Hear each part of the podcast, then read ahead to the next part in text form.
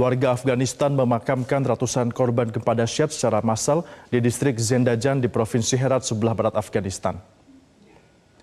Juru bicara Kementerian Penanggulangan Bencana Afghanistan, Janan Sayik, mengatakan jumlah korban jiwa dalam gempa bumi berkekuatan magnitudo 6,3 yang terjadi di Afghanistan pada 7 Oktober lalu terus meningkat.